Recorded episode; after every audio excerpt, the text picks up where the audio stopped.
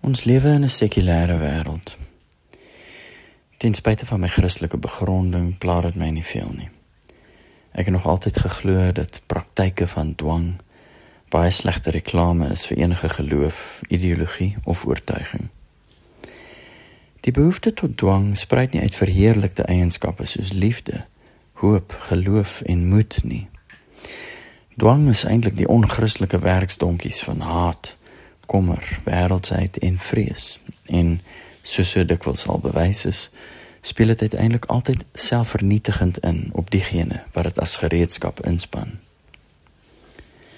Terselfdertyd is daar in die westerse beskawing geruime tyd al 'n neiging om die sekulêre aspirasies van die samelewing sodanig te bedryf dat dit soms neerkom op 'n passiewe, soms aktiewe vyandskap teenoor die lewensleer van die gelowige burgers.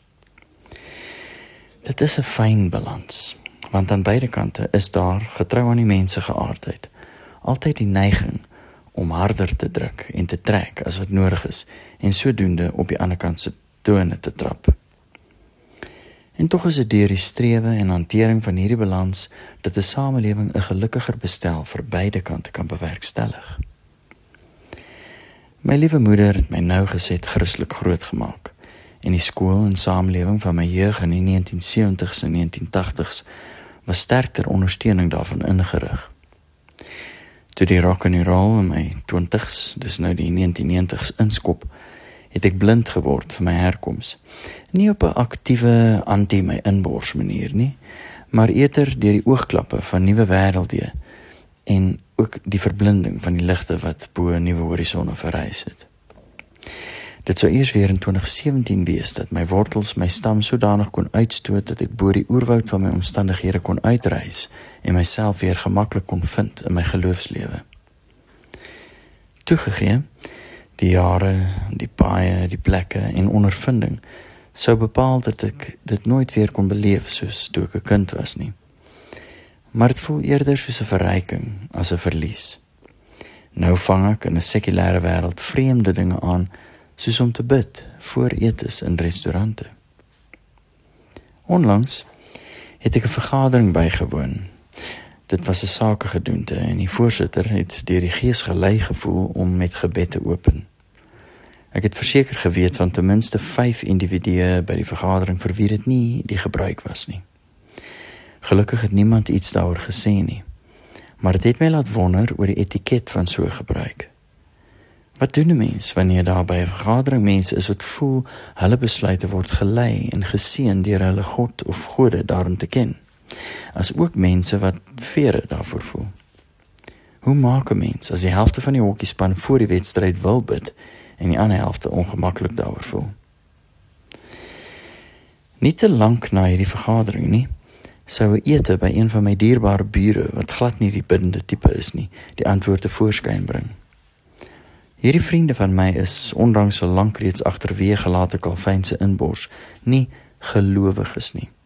Hulle doen nie die bidding of oordeenking gelei deur eeuoue geskrifte uit die grotte van Qumran nie. Maar ek kan hulle ook nie regverdiglik voor die voet afmaak as ongeestelike nie. Daar is definitief 'n geestelike bewustheid in hulle. Maar vir die etlike jare seert ons af en toe oor en weer kuier en eet is hulle nog altyd genooi met ons huis se bidkultuur en sal hulle selfs vanuit hulle eie dit voorstel. En dit het vir my die oplossing belig.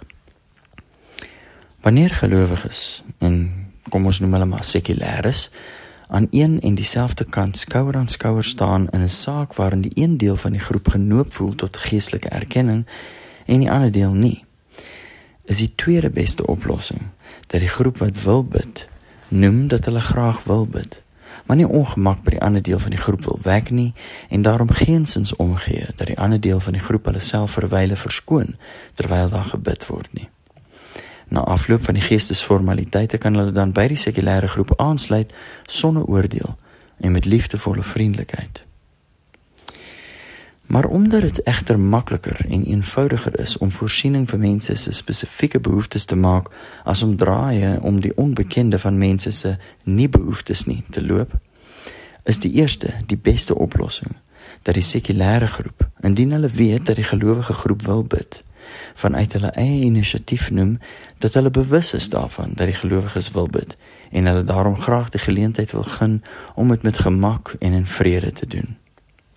So word daar dan ook die geleentheid geskep om te handel vanuit 'n positiewe posisie van die krag van 'n toegewing, nie met mag te verwar nie. Eerder as om die naastes te noop om te handel vanuit die onmag, nie met swakheid te verwar nie, van 'n versoek. Die gegeewe perd is meer werd as die genome perd. Nou ja, dit hoef nie so gedoen te word nie. Maar indien dit so gedoen word, is dit die hantering wat buite die raamwerke van geloof of sekulariteit 'n nuwe gemeenskaplikheid vestig om die beginsels van billikheid, beleefdheid en beskaafdheid